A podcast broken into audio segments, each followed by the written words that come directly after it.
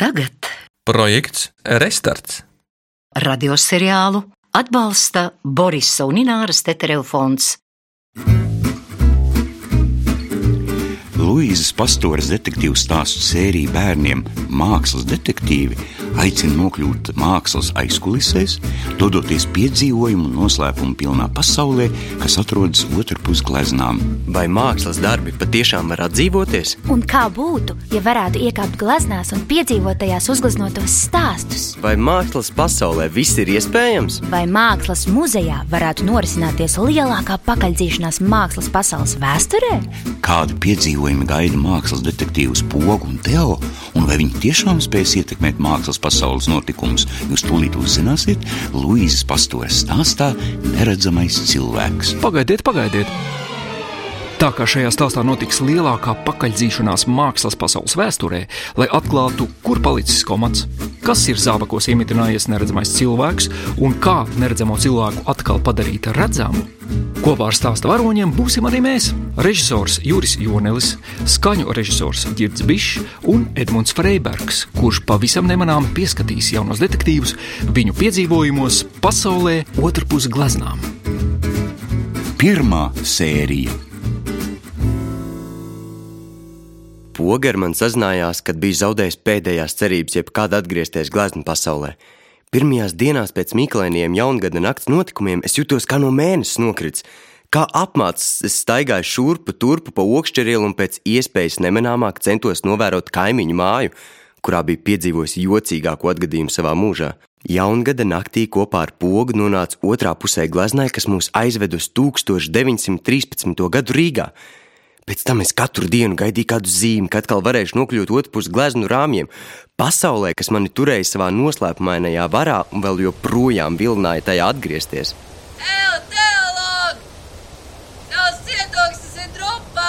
Lai gan patiesībā mani sauc Teo, zēniem es esmu Teo rēts. Ja esmu ticis pie jaunas rēts vai uzdauzījis zilumu, Teo rīja, kad mamma sauc mājās ēst, bet toreiz blenžot svešos logos, es biju kļuvis par Teo loks.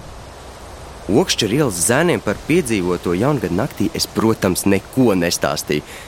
Varu likt savu galvu ķīlā, ka ar to pietiktu, lai visu mūžu viņi mani pasludinātu par mazo sapņaino teofīliņu. Kurš tad man ticētu?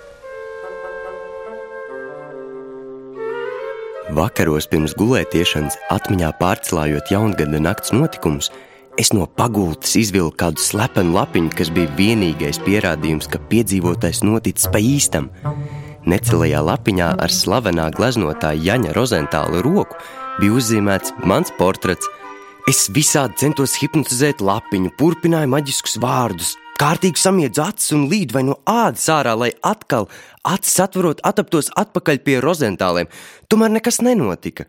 Kā es biju, tā arī paliku turpat okšķerielā. Tad nu vienreiz metu visu pie malas, nolēmu beigt muļķoties un ļāvu, lai dzīve atgriežas ierastajās sliedēs. Kādu dienu Teo pienāca vēstule. Tas pats par sevi bija notikums, jo Teo nemēdz pienākt vēstules. Ja nu vienīgi apsveikuma kartītes no Omas dzimšanas dienā. Cik labi, ka mūsdienās vēl tiek sūtītas vēstules. Māma bija atradusi paskastītē mazu baltu aploksni ar manu vārdu un uzvārdu. Atpakaļ adrese nebija norādīta, arī pastmarkas un pasta zīmoga nebija. Atvēru aploksni, un no tās izkrita maza, rūpīgi aprakstīta zīmīte. Čau, Teo! Tiekamies rīt pulksten trijos pie Mākslas muzeja. P.S. Nevienam neko nesaki. P.P.S. Man nākas sūtīt dumjas zīmītes, jo tevi jau nevar dabūt rokās, jo tu visu laiku slapsties ar tiem ap teo rētajiem zēniem. P.P.P.S. Šo sūta poga, ja nu tu nesaprati. Pēdējie vārdi bija rakstīti sīk sīciņiem burtiņiem, kas knapi iespiedās pašā zīmītes stūrītī.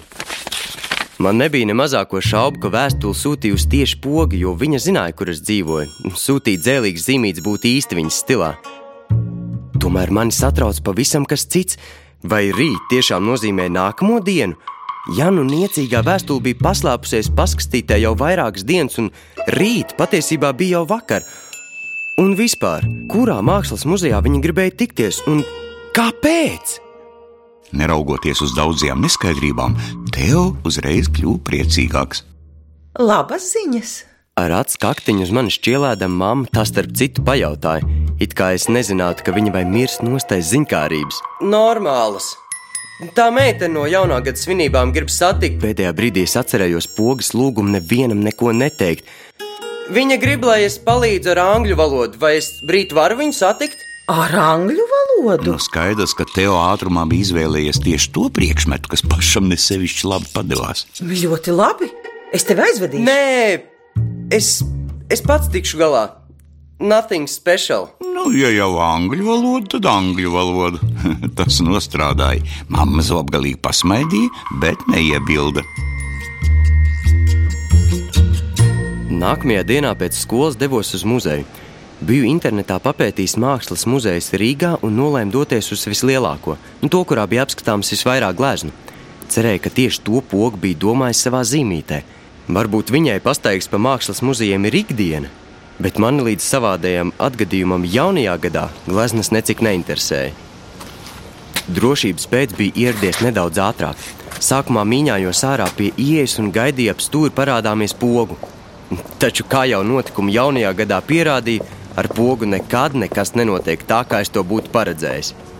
Bija precīzi pulksten trīs dienā, taču poga kā nerādījās, tā nerādījās. Viena minūte pār trījiem, viņas nekur nebija. Divas minūtes pār trījiem, nu bija dimbā. Teo noteikti bija aizgājis uz nepareizo muzeju. Skaidrs, ka viņa mani gaidīja kādā citā muzejā un lādējās par manu muļķību.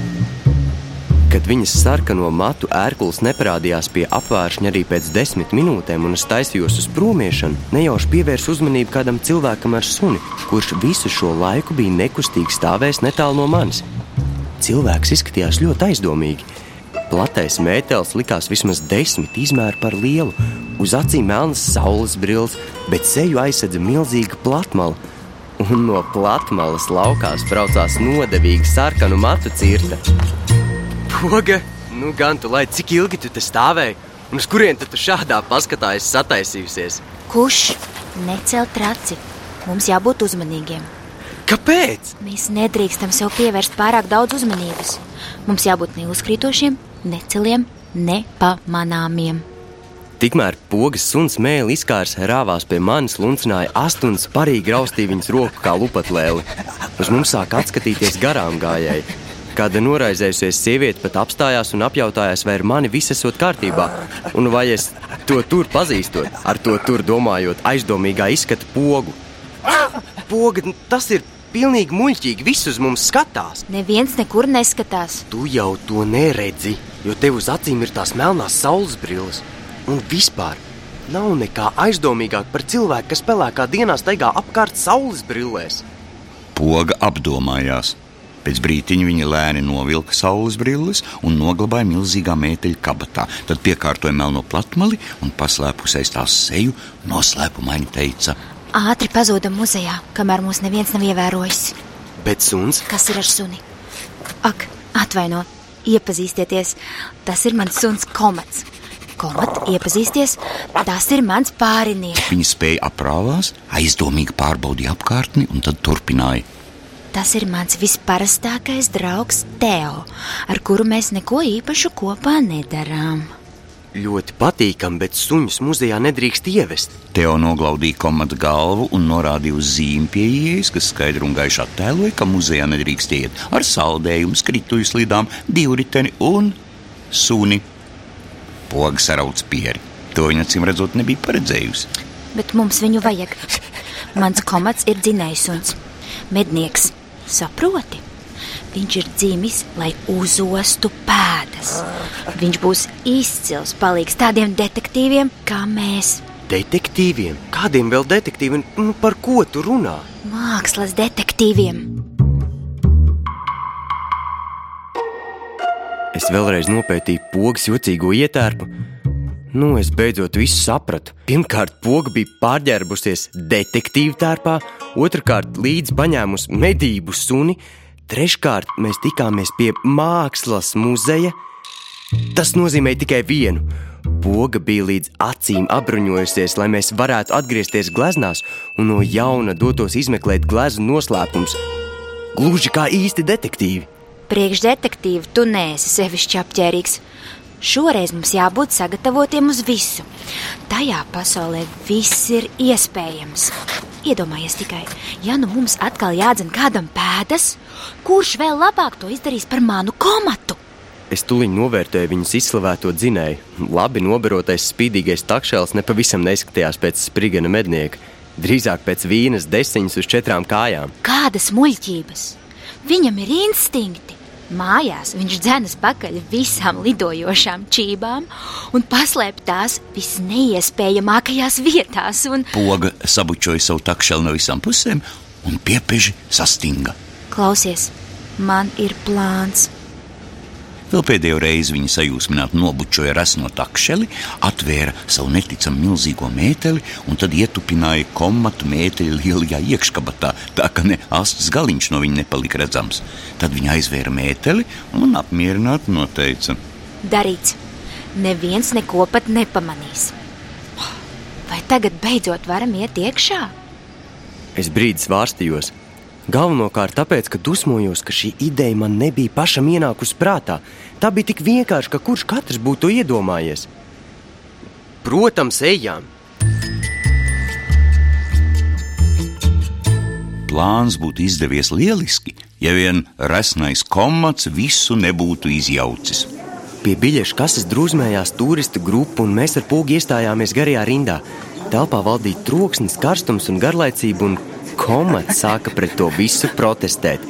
Viņš smilkstēja, knosījās un visādi rosījās pa pogas metāļu iekškabatu. Pamanījis aizdomīgo kustību pogas krūškurvī, kad zeltai nosauļojies turists pārsteigt bolīja acis, bet poga tikai nevainīgi smaidīja un kniksēja. Sirds sitas muzejā ir tik satraucoši. Ārzemju turists eh, nesaprata ne vārdu no viņa sacītā. Todies komatā tuliņ atdzīvojās viņā snauduļojošie un pogas piesolītie instinkti.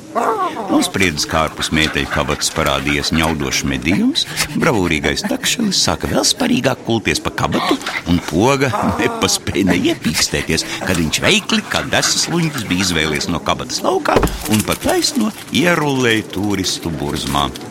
Nu ir dimbā! Daži turisti paspruka malā, citi neko sevišķi nemanīdami ar visu komatu starp kājām drūzmējās pie biļešu kontrols. Es uzmanīgi devos takšaļa virzienā. Elsdams un pūzdams komats bija pievērējis pirmos ieejas pakāpienus. Es uz pirksgaliem pavirzījos tuvāk un biju jau teju, teju klāt, lai saķertu viņu aiz astes, kad tām pie kas sirnājās. Jaunais cilvēks! Uz kurieni? Viņas balss bija barga un dobja un tā iztrūcināja Teo kā putniņu no zāra. Teo paliecās un tūlīt nosarka kā bieta. Muzejā zaķus neielaižam, uzrādiet biļetītes! Aiz kases lodziņa viņa uzmanīgi vēroja Teo kā pūce no koka dobuma. Nē, es jau nemaz. Teo pašķielēja komatu virzienā. Mm, sunīts bija ticis galā ar pēdējo kāpņu pakāpienu, pagriezienā uz otro stāvu viņa smagais pakaļgals sasvērās, un viņš apmeta slaidu loku uz muzeja slidenās grīdas, tad atguva līdzsvaru un aizļapatoja muzeja zālēs. Vai varu jums kā palīdzēt? Divas, lūdzu! Veltījusi dziļu nopūtu man un sevišķi izteiksmīgu skatienu pogas apģērbam, taču neko citu aizdomīgu. Tas ir resno komatu brīvsolīti, neievērojis, kas ir mums izsniedz divas ieejas biļetes. Lieliski! Tas ir sliktākais sākums visā detektīvu stāstu vēsturē. Teo norūc, kad beidzot bija tikuši garām biļešu kontrolei.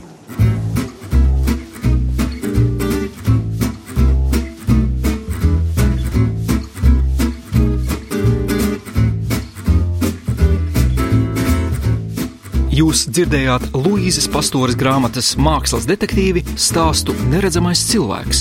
Šodien izskanēja pirmā sērija.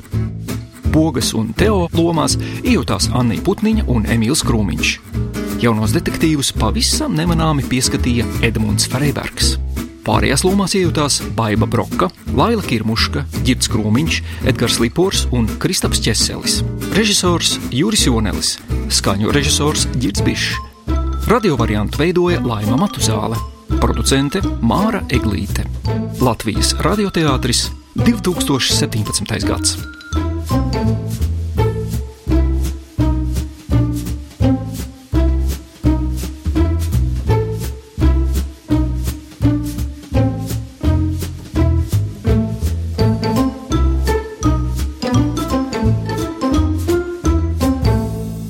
Turpinājums sekos. Projekta Restarts ietvaros tapušo radioseriālu atbalsta Borisa un Ināras Tetereva fonds Teātris iedvesmo.